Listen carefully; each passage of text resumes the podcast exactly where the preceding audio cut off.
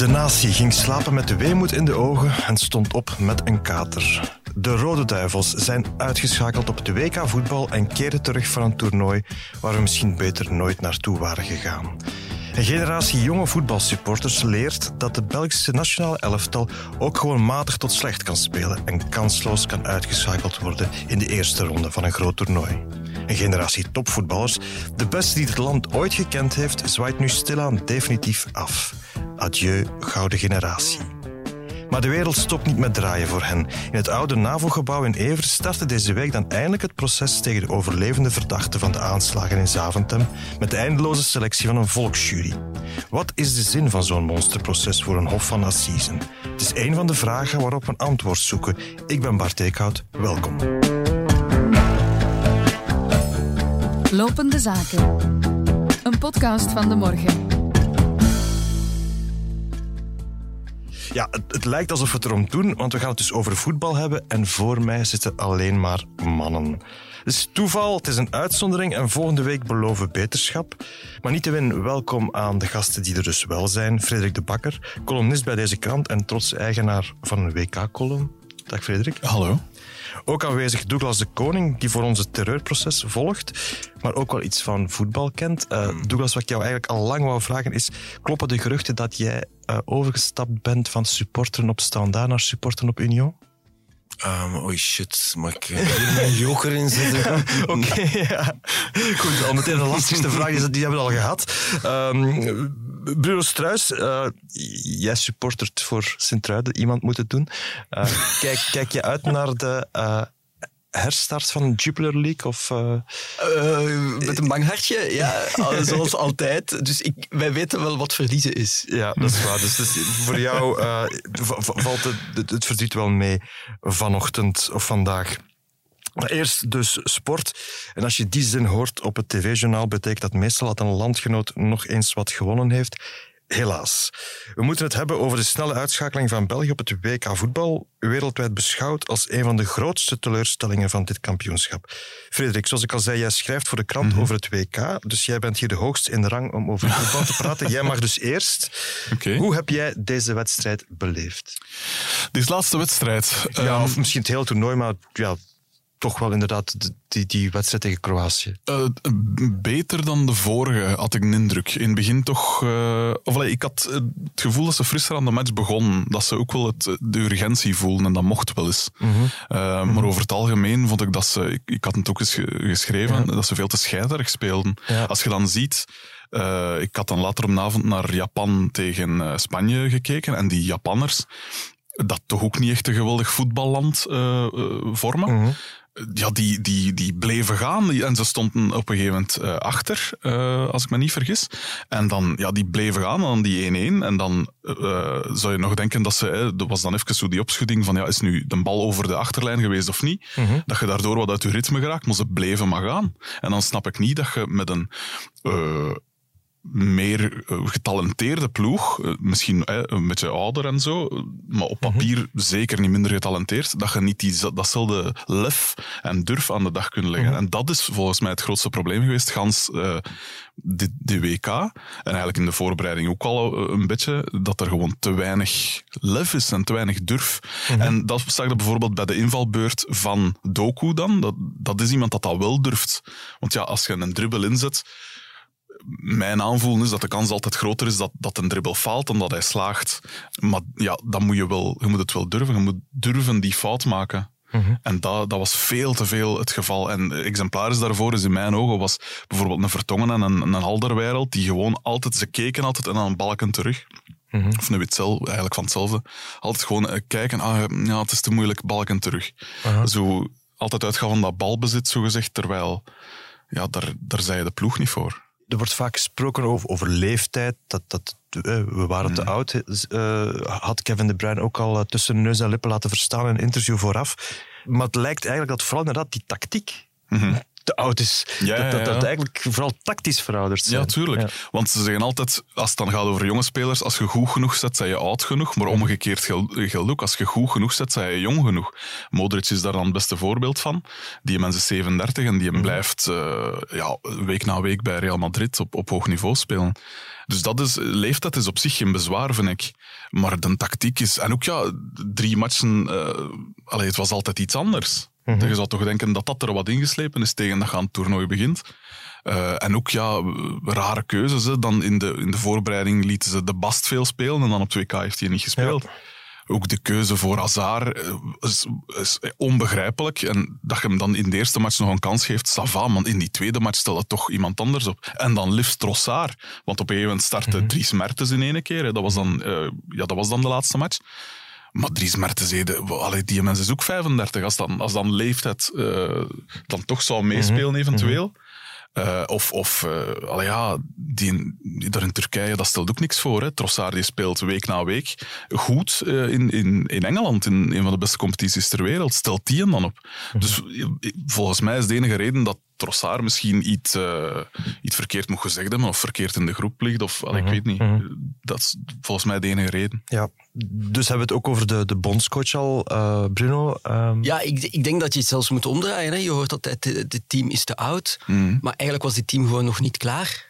Ja. Eh, ik denk dat dat de conclusie moet zijn. Als je spelers hebt die bij hun ploeg, Mhm. eh, bijvoorbeeld bij een club, eh, een lijn achteruit worden geschoven als verdediger, om Mhm. het over Witzel te hebben.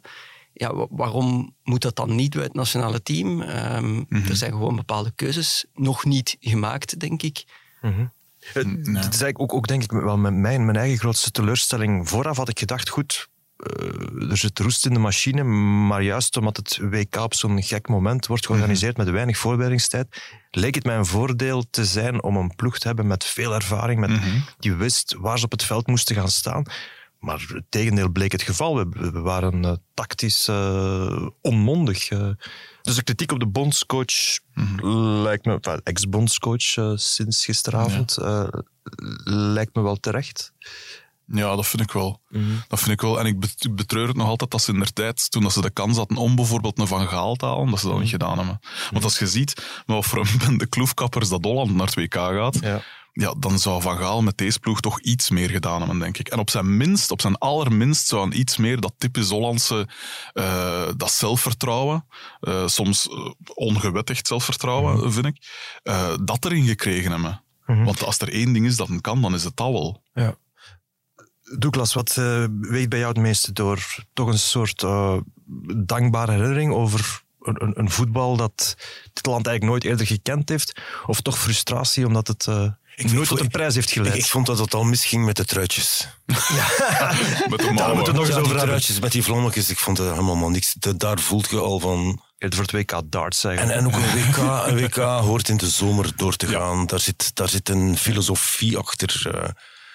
We werken allemaal en er komt een moment in het leven dat even eh, het rustiger aan mag. Er is een ronde van Frankrijk, er is Olympische Spelen. Of er is WK voetbal, zo'n WK midden in de winter. Dat- trekt op niks. Ja, nee.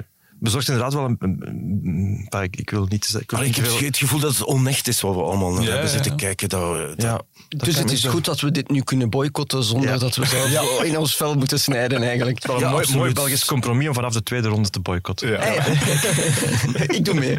Nee, maar ehm, eigenlijk, ik, ik apprecieer jullie analyses, maar ehm, we moeten eigenlijk durven toegeven dat we niks van voetbal weten. Eh, als je met een beetje trainer, met mensen als een Gert Verheijen... Ik heb ooit, Gilbert Baudard heeft mij ooit uitgelegd hoe hij in het kader van het omkoopschandaal eh, wedstrijden heeft gefixt. Ik, ik viel daar plat van achterover. Ik was daar echt... eh, Als die mensen over tactiek beginnen, moet je eigenlijk durven durven toegeven dat we daar weinig van kennen. En eerlijk gezegd, als Romelu Lukaku gisteren zijn voet Tuurlijk. en een ja. halve millimeter meer naar rechts had gezet, dan waren we waarschijnlijk in de Ja, volgende ronde. We waren nu anders- allemaal Ja. euforisch aan het doen. Dus ja, Dat denk ik toch niet. Jij denkt dat niet? Andere dingen Dit waren is toch zomaar klaar. Maar ja, en dit is toch in de voorbereiding werd dit toch al stilletjes duidelijk dat dit niet ons beste WK zou worden. ja, misschien, maar ik, ik, ik, ik, misschien, misschien- we zitten hier al met allemaal mannen, maar misschien Hans van de Weken. ik vind dat hij een geweldige theorie heeft over de toevalsfactor in voetbal, Ah ja, die zo zeker, ja. determinerend is. Maar dat maakt het ook heel erg uh, leuk om, om er nu ook weer over uh, ja, dat te, te, babbelen, ja. toch? Ja, maar... Ja, de, over volleybal kan je moeilijk dit soort gesprekken hebben, omdat ja, de, de, sterkste wint altijd en meestal met 3-0. Ja, en basketbal ook. En, en bijna alle sporten, behalve ja, voetbal, de, plek, de sport waar we het meest over hebben. Maar, mm -hmm. maar... Wat is uw conclusie feitelijk, Bart? Hoe kijkt jij erop terug? Ik, ik had er wel een, een, een slecht gevoel bij van, van, van bij de start. Ja, dat, dat, dat, dat wel. Um, mm-hmm. En, en ja, wat, wat ik zei, van, van, um, wat ik had gedacht dat, dat de sterkte was van dit elftal, ervaring, uh, blijkt een van de grootste zwaktes te zijn. Mm. En dat durf ik dan toch wel in de, in, in de schoenen van de, van de bondscoach, van de ex-bondscoach uh, mm. uh, schuiven. Hij had zijn team toch paraat moeten maken voor dit inderdaad bijzondere WK mm. dat midden in een seizoen gespeeld wordt. Hij had moeten zien welke spelers mentaal of fysiek al dan niet in vorm zijn. En hij had denk ik toch... Um, al veel langer moeten een aantal uh, keuzes maken. Hè. Mm. Ik, je kan het uh, bijvoorbeeld heel erg jammer vinden dat, dat die jonge gast Onana, dat die met, met twee gele kaarten uh, zijn, zijn toernooi ook gesaboteerd zag. Ik denk als je die wat, wat eerder in die ploeg brengt, wat, wat meer zelfvertrouwen geeft, mm. dat hij dan waarschijnlijk iets volwassener aan dat WK ook begint. En daar zijn dus echt wel kansen gemist. Maar goed, bon, het, het, is, het is maar wat het is. Hè. Mm. hebben jullie nog een, een favoriet eigenlijk voor de rest van het WK? Japan. Ja. ja, qua strijdlust of qua wie dat het gunt, is Japan wel inderdaad zo'n ploeg. Is, er is ja. wel een, een, een, een, het idee dat al die Europese ploegen, er zijn er nu toch al een paar uitgeschakeld, mm. denk ook Duitsland, Denemarken, mm -hmm. allemaal een beetje verraden worden door die strijdlust en die, die, ja, die beschikbaarheid, zoals het dan heet, in, uh, van die uh, manager vaagtaal, um, die, die toch van andere continenten lijkt te komen. Hè? Mm. Ja. Dus dat is, wel, dat is wel toch leuk aan dit rare en eigenlijk half ongewenste WK. Ja, en bewijst ook een klein beetje, denk ik, dat, dat, dat je wel een team kan smeden ook al zitten daar geen sterspelers in, kan je het gemakkelijk halen van mm. teams waar dat toch wel sterspelers Mhm. mm -hmm. in zitten. Het is ironisch dat, dat je het zegt, als Belg, want dat was vroeger juist ons dingen altijd. Dat was altijd ons ding. Ja, maar kijk naar die, wedstrijd van, die eerste wedstrijd van Saudi-Arabië, die ze daar ja. uh, totaal verrassend winnen, maar dat was puur op wilskracht. Absoluut. En dat kan je wel in voetbal, lijkt mij. Ja. Dat de enige die het, en, en, en dan gaan we misschien stoppen met het uh, over de competitie te hebben, de enige die denk ik cynisch genoeg zijn om al die uh, trends te overwinnen zijn, zijn Frankrijk. Ik wist het. Ik wist dat je Frankrijk ging zeggen. Dat is toch de enige ja. ploeg die eigenlijk speelt zoals je verwacht dat ze ja. spelen. Ja, dat die, die, die en op niveau zijn en eigenlijk ook gewoon, uh, ja, bon, ik, ik, ik, ik haat mezelf dat ik het zeg, maar die eigenlijk ook gewoon goed spelen. Absoluut, Ja. absoluut. Ja, want zelfs Brazilië zonder Neymar wordt denk ik een, een, moeilijk verhaal om een heel toernooi vol te houden. Maar we zullen zien of hij er nog bij komt. Uh, misschien toch nog Hopelijk even... niet. Ik heb een hekel aan die, aan die speler. Ja. Dat is zo het toonbeeld van... Uh, ja, puur voor, u, voor uzelf spelen, vind ik. Niet zozeer op het veld, allee, op het veld ook, maar, maar gewoon dat je Paris Saint-Germain verkiest boven Barcelona of, of zelfs eh, Real Madrid werd ook altijd genoemd ze dat een wat binnenhaal. Maar dat je naar Paris Saint-Germain gaat, op het, op, in de fleur van je carrière, dat, dat kan ik niet vatten. Dat kan ik echt niet vatten. Choco op de boterham, hè? iemand moet het... Uh... Ik zou tekenen, ja.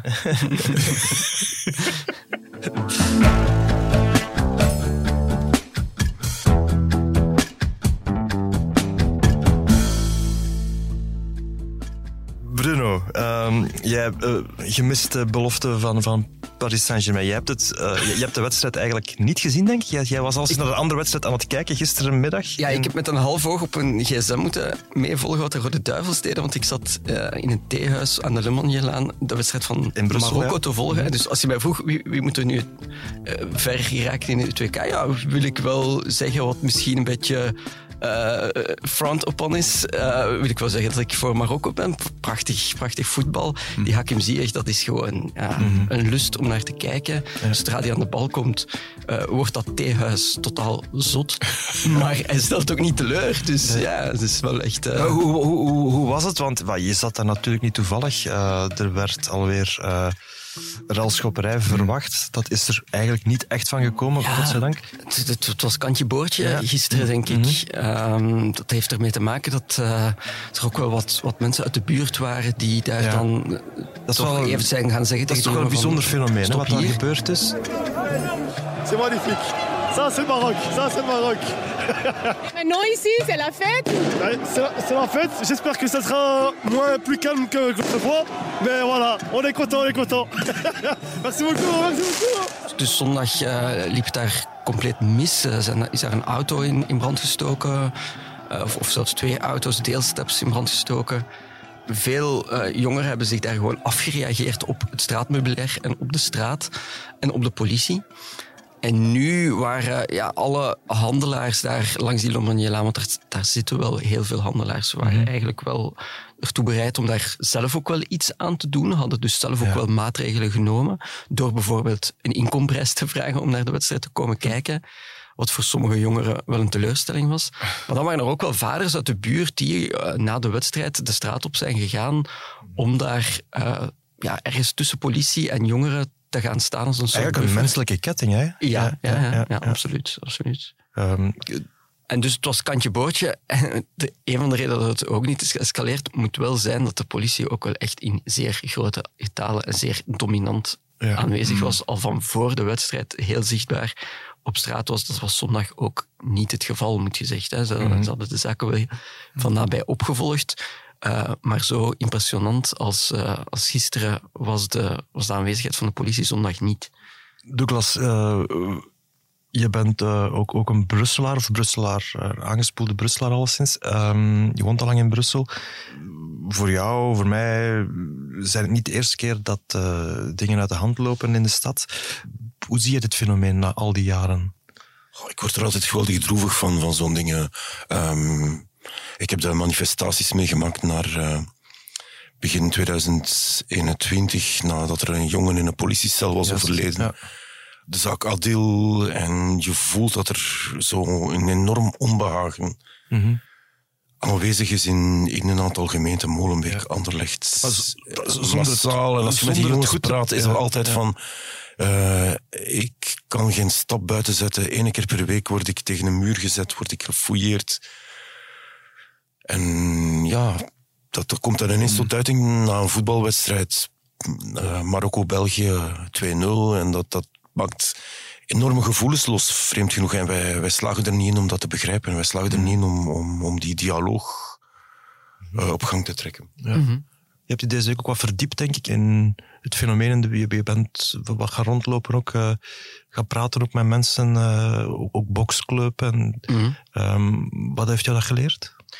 Dat er wel ook binnen die gemeenschap, eh, als je daarvan kan spreken, van een, Marokkaanse gemeenschap in Brussel, eh, ook wel heel veel diversiteit in is. Hè. Oh, Zelfs als je kijkt binnen die jeugd, dan als je eh, gasten spreekt tussen 15 en 25 jaar, ja, dan is daar een zeer grote diversiteit in. En dan de, de- de, gasten die dan werkelijk overgaan tot geweld, zijn dan ook wel voor mij als journalist ook wel iets moeilijker te bereiken, zeg maar. Je zag dat ook gisteren. Je hebt daar duidelijk een groep die komt om, te, om feest te vieren. Ja. Dus je, je zag wel echt die, die Marokkaanse jeugd met Marokkaanse vlaggen en Marokkaanse sjaals. En soms eh, vlaggen van de RIF, wat dan toch ook weer interessant is om te zien hoe dat er binnen die Marokkaanse gemeenschap... Dat is dan wel voor een nationale teamsupporter, maar tegelijkertijd zich als Rifijn eh, identificeren.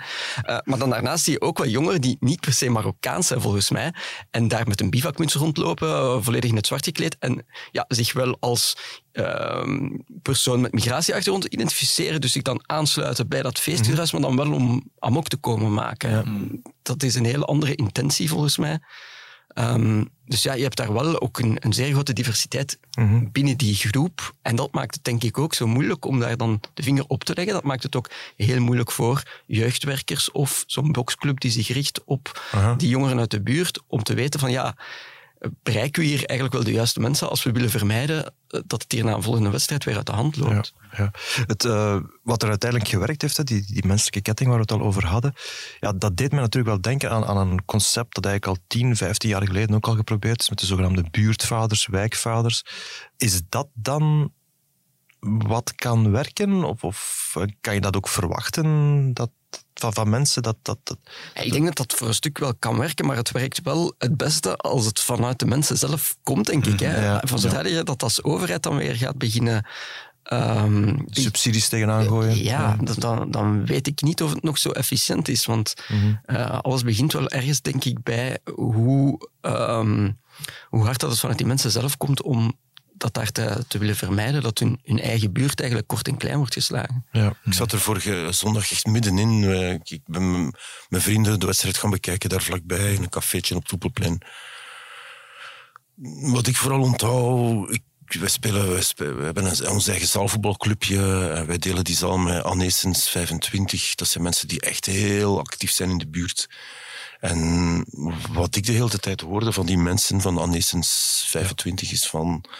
We hebben al die filmpjes op Twitter zitten bekijken. Dat zijn geen mensen uit onze buurt. We kennen die niet. Wie, wie zijn dit? Ja, dat is ook Van waar komen die? Mhm. eh, Want dat is niet zo gek op zich. Hè? Iedereen komt van overal naar de Vijfhoek om naar het voetbal te kijken. Hè? Dat doen ja, maar blijkbaar wist iedereen toch precies dat uh, Ah ja, alle Belgen doen dat, wil ik Le zeggen. Monnier, eh, de, de, de zone tussen het en eh, het station Le Monnier was blijkbaar de plek waar dat, waar dat het moest gebeuren. Mhm. En de mensen uit die wijk zelf snapten het niet goed, Nee, had ik het toch- gevoel. Ook ja. een aantal mensen die daar, die daar eh, een winkeltje hebben, die daar een theehuis en koffiebar hebben. Ja, maar je zag op, op sociale media, op TikTok en op Snapchat, waar Mhm. dat dan tegenwoordig gebeurt, zag je oproepen om ja, op die plekken te gaan rellen. En zo gebeurt dat. Hè. Maar dat is dus ook Maar heel moeilijk om te volgen. zag de politie het niet of zag, het, Jawel, zag ze die, het wa- te die weinig? waren daar op voorhand wel. Die wist, die, die, wat ze vorige zondag niet, niet goed in de gaten hadden, dat, eh, dat eh, deelsteps en poppy eh, eh, auto's, Mhm. dat die het mikpunt gingen worden. Nu, gisteravond hebben ze, gisteren namiddag hebben ze blijkbaar alles weggetakeld wat er weg te takelen viel. Ja, die straat was al leeg, Ja. eh, uren voor de wedstrijd. Ja. Ja. Ja. Eh, wat ook opviel was eh, de zeer harde toon van, van politici eh, achteraf. Ze hadden het over het opkuisen van uitschot, van krapul. eh, jongeren die niet tot onze samenleving behoren. Ja, Ja. Taal die je tot voor kort eigenlijk enkel met uiterst rechts zou associëren. Ehm, wat, wat, wat, wat, waar wijst dat op? Ja, het lijkt mij fantastisch als je dit soort events in de toekomst nog wilt eh, meemaken. Dan moet je vooral die jongeren nog meer buiten de samenleving plaatsen. Ik weet niet of dat die boodschappen ook de jongeren zelf bereikt hebben. Dat is nog iets anders, want ze, ze volgen misschien niet eh, de media waarin dat die politici aan het woord komen. Maar het zegt wel iets natuurlijk over hoe dat het discours ook is, is opgeschoven, denk ik. Hè? Hoe dat, dat, dat venster toch is opgeschoven naar we moeten, eh, ja, we moeten zeer forse taal gebruiken. Niet zozeer naar die jongeren, maar naar ons doelpubliek dat dat blijkbaar wil horen. Dat we zo streng optreden en dat we zo streng zijn voor, voor geweld. En streng zijn voor geweld, ja, laat, laat dat duidelijk zijn. De mensen die daar wonen, vragen niet liever hè, dan dat er streng wordt opgetreden tegen, tegen die jongeren. Eh, zij laten beelden zien van feestvierders in Marokko gisteravond, waar alles veel rustiger verloopt. En dan vraag je, hoe, hoe komt het dat dat daar dan zo rustig verloopt? Ja, omdat de overheid daar veel strenger is. Maar is het dan, is het dan fout? Want ik, ik merk hier al een, een, een soort gevoel van dat het verkeerd is om daar dan zo streng eh, als politici, dan, dat is natuurlijk verkiezingspraat en zo, dat snap ik ook wel. Maar is het dan verkeerd wat dat ze zeggen? Maar het is een verschil tussen streng optreden, Mhm. strenge maatregelen nemen en mensen uitschot noemen. Mhm. Dat hoeft niet. Hè. Het, het ene hoeft niet eh, samen met het ander Mhm. te gaan, volgens mij. Nee, het, het- en, enfin, vaak is het alleen maar mensen uitschot. Noemen maar, Ja, ja, maar geen gepaste maatregelen treft. Ja. Terwijl het zou het misschien beter om, omdraaien. Exact. Mhm. ja. De minister van Justitie heeft zich dan ook nog gemengd in het debat gisteren in de Kamer, denk ik. Hij ehm, stelde plots voor om een deel van het kindergeld in te trekken eh, van de ouders van minderjarigen die betrokken waren. Dat is toch ook wel weer een vergaand, eh, vergaand ideetje. Ja, Ja, dat is en, totaal fout, hè, ja. ja, en de vraag is in hoeverre is zoiets echt een plan dat men wil doorvoeren, of in hoeverre is zoiets Het, gezegd om de achterban te lijkt me niet afdwingbaar. En, en als ik het goed. Juridisch vrij moeilijk. hoor. Ja, voilà, het is dat. Ja. Ja. De vraag is wel, wa- wat doe je om die ouders te bereiken en meer te engageren in Mhm. de opvoeding van hun kinderen? Want ook dat is iets wat ik gisteravond van heel Oh, veel Marokkaanse ik- ik- ouders te horen kreeg. Van, ja, waar waren de ouders van? Want er waren heel veel 14, 15-jarige gasten hè, die daar zondag Mhm. tussen stonden. Ja, ik vind dat zo moeilijk om de leeftijd te schatten. Wat ik mij vooral herinner is dat de vorige zondag op een gegeven moment begint de politie traangas te spuiten, maar echt massaal, zodanig dat ongeveer iedereen dat voelt. Iedereen begint te hoesten, te, te, te, te wenen. Ja, en dat creëert iets bij mensen. Ehm, ik, ik, ik wil zeker niet zeggen dat eh, de schuld van de politie is of zo. Ik weet ook niet hoe, hoe je dan wel het moet oplossen. Maar opeens is er een enorme massa op straat die, die eigenlijk alleen maar aan, aan het juichen, aan het feesten is, omdat hun ploeg gewonnen heeft.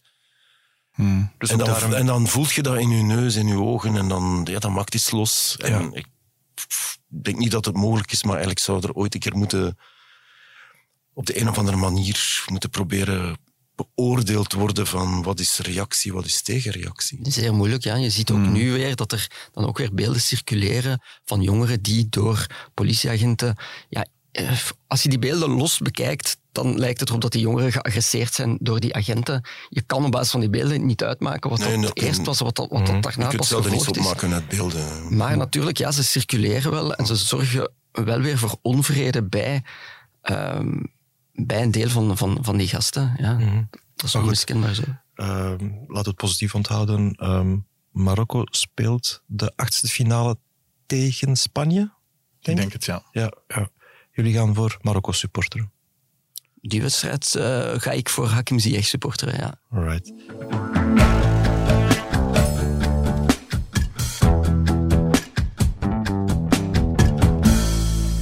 Omdat ik directeur ben van een basisschool en er is al een gigantisch leerkrachtentekort.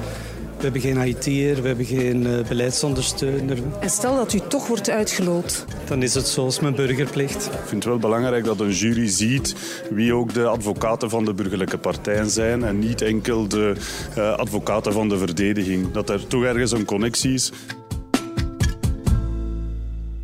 Iets anders dan. In Brussel is deze week dan eindelijk het proces gestart over de aanslagen van 22 maart 2016.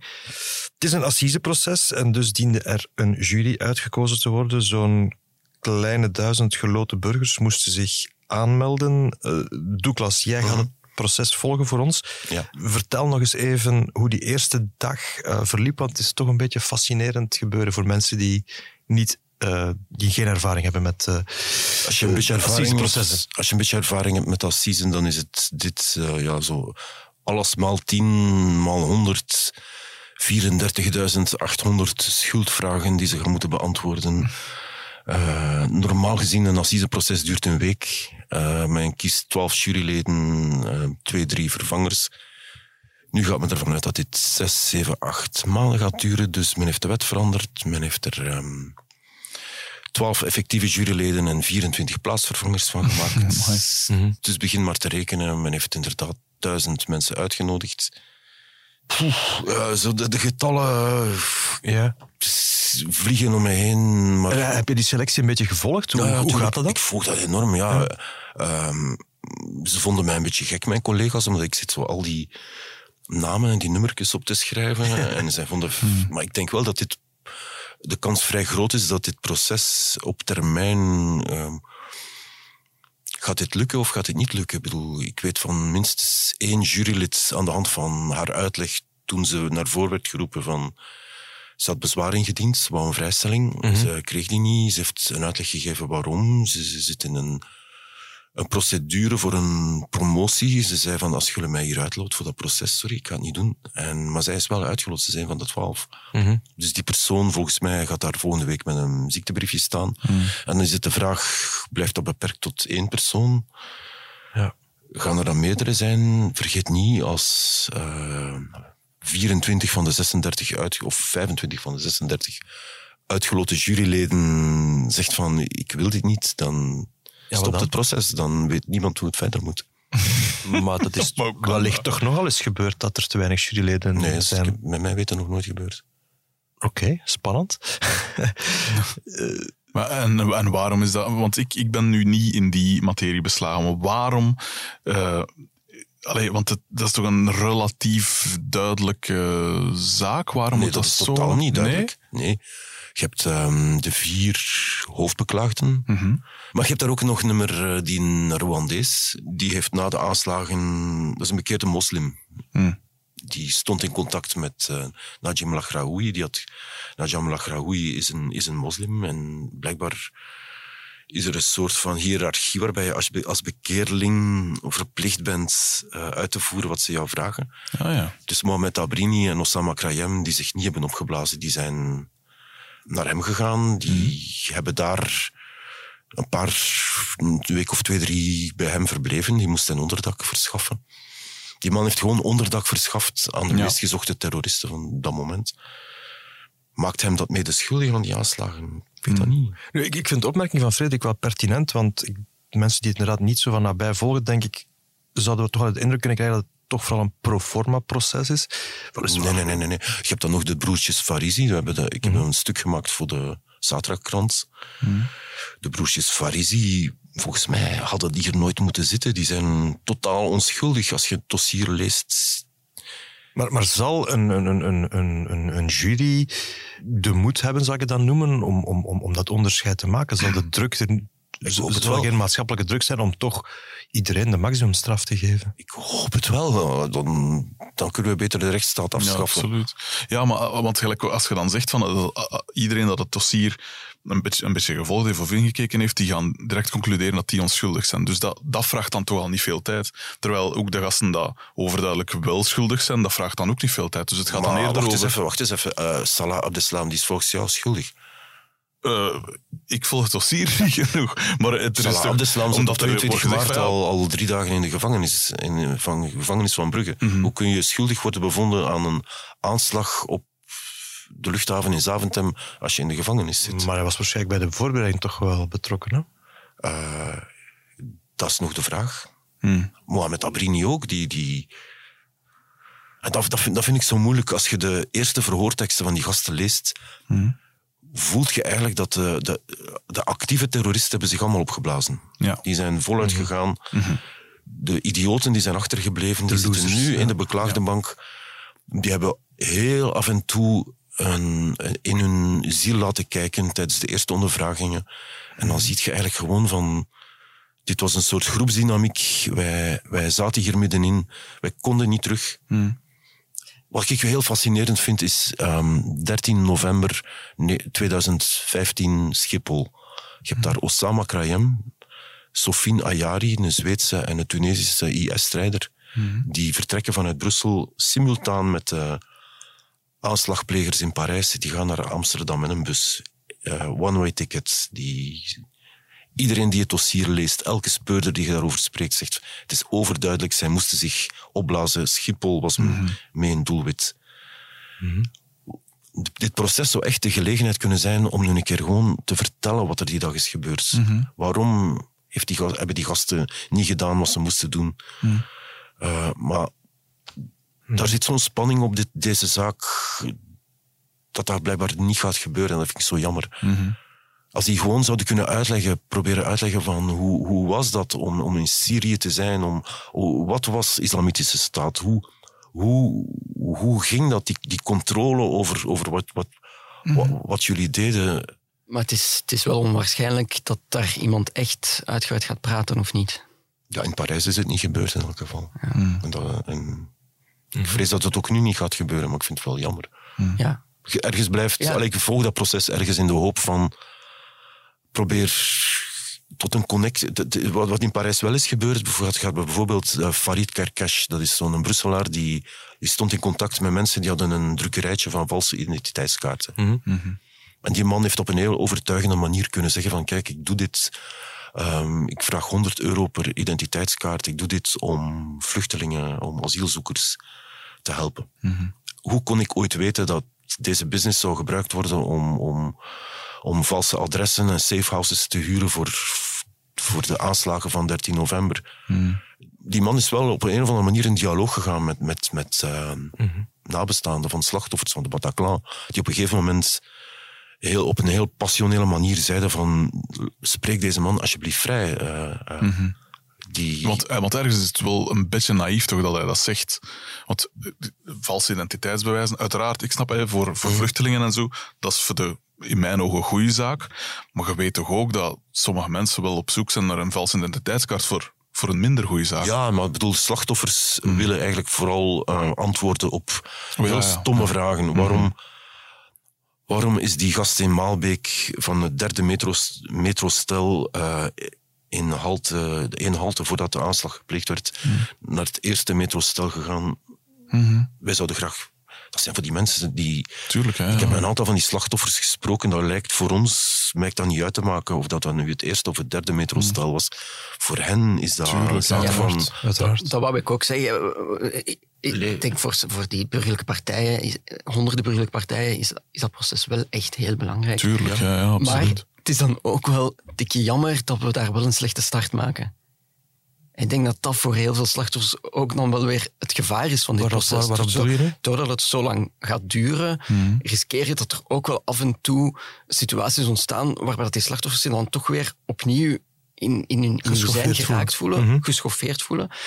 Om te beginnen, de beklaagde box. Mhm. het, ja, die al zoveel geld gekost heeft, die als blijkbaar ja. volstond niet, eh, voldeed niet aan wat het Ja, maar dat hebben ze worden. uiteindelijk toch wel mooi opgelost nu, die box. Ja, maar we starten weer met vertraging. Hè? Wat hebben ze gedaan om het... eh, Ja, ze hebben... eh, ik weet het niet goed. Ik, ik zie gewoon dat er nu gewoon eh, Men heeft meer ruimte ademruimte, ademruimte is. Ah, ja, ja. eh, het, het grote probleem was dat... ehm, doordat men het er een, een afgescheiden geheel van gemaakt had, konden advocaten niet ehm, overleggen. overleggen met hun ja. cliënt zonder dat de anderen dat ook konden horen. Ah, ja. Nu hebben ze gewoon eh, stroken glas gemaakt. En, Ja, maar het is dat. Er zijn nu ook voor de jury een aantal burgerlijke partijen opgeroepen om in de jury te komen zetelen. Mhm. Ja. Ja, dat, dat is dan ook weer een vergissing Oh, van de ja. Belgische overheid, Ja. die ja, spijtig genoeg gebeurt. Dat, kan wellicht snel worden rechtgezet naar die mensen om uit te leggen van ja... Nee, het gaat over, het gaat over mensen die, die uitgeloot waren, maar er werken zoveel mensen bij de Brusselse vervoermaatschappij. Dus de Brusselse vervoersmaatschappij, MIVB, is burgerlijke partij.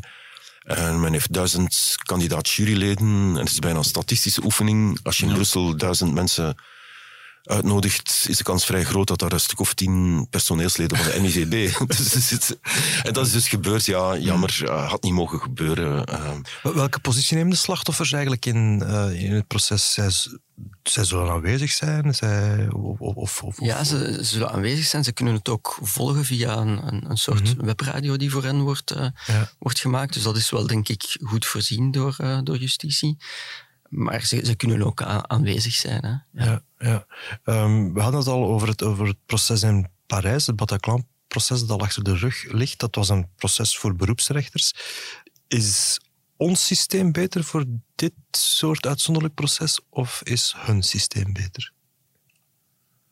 Douglas, Hmm. je hebt een haat-liefde verhouding met Assisen. Ja, ik heb een haat-liefde met Assisen, Opiniestukken voor en opiniestukken tegen weten schrijven. Absoluut, ja. mooie aan Assisen is dat het... eh Assisen vertrekt eigenlijk vanuit het idee dat een deel van de bevolking analfabeet is. Dat was zo in 1830. Eh, Je krijgt nu absurde situaties waarin de akte van beschuldiging moet worden voorgelezen. Dat is een document van 469 pagina's. Dat gaat drie dagen duren. Eh, het eh, zou perfect mogelijk zijn om naar iedereen die dat moet kennen een pdf te sturen en vragen van, als het u interesseert, lees dat even. Maar nee, dat moet dan drie dagen lang worden voorgelezen.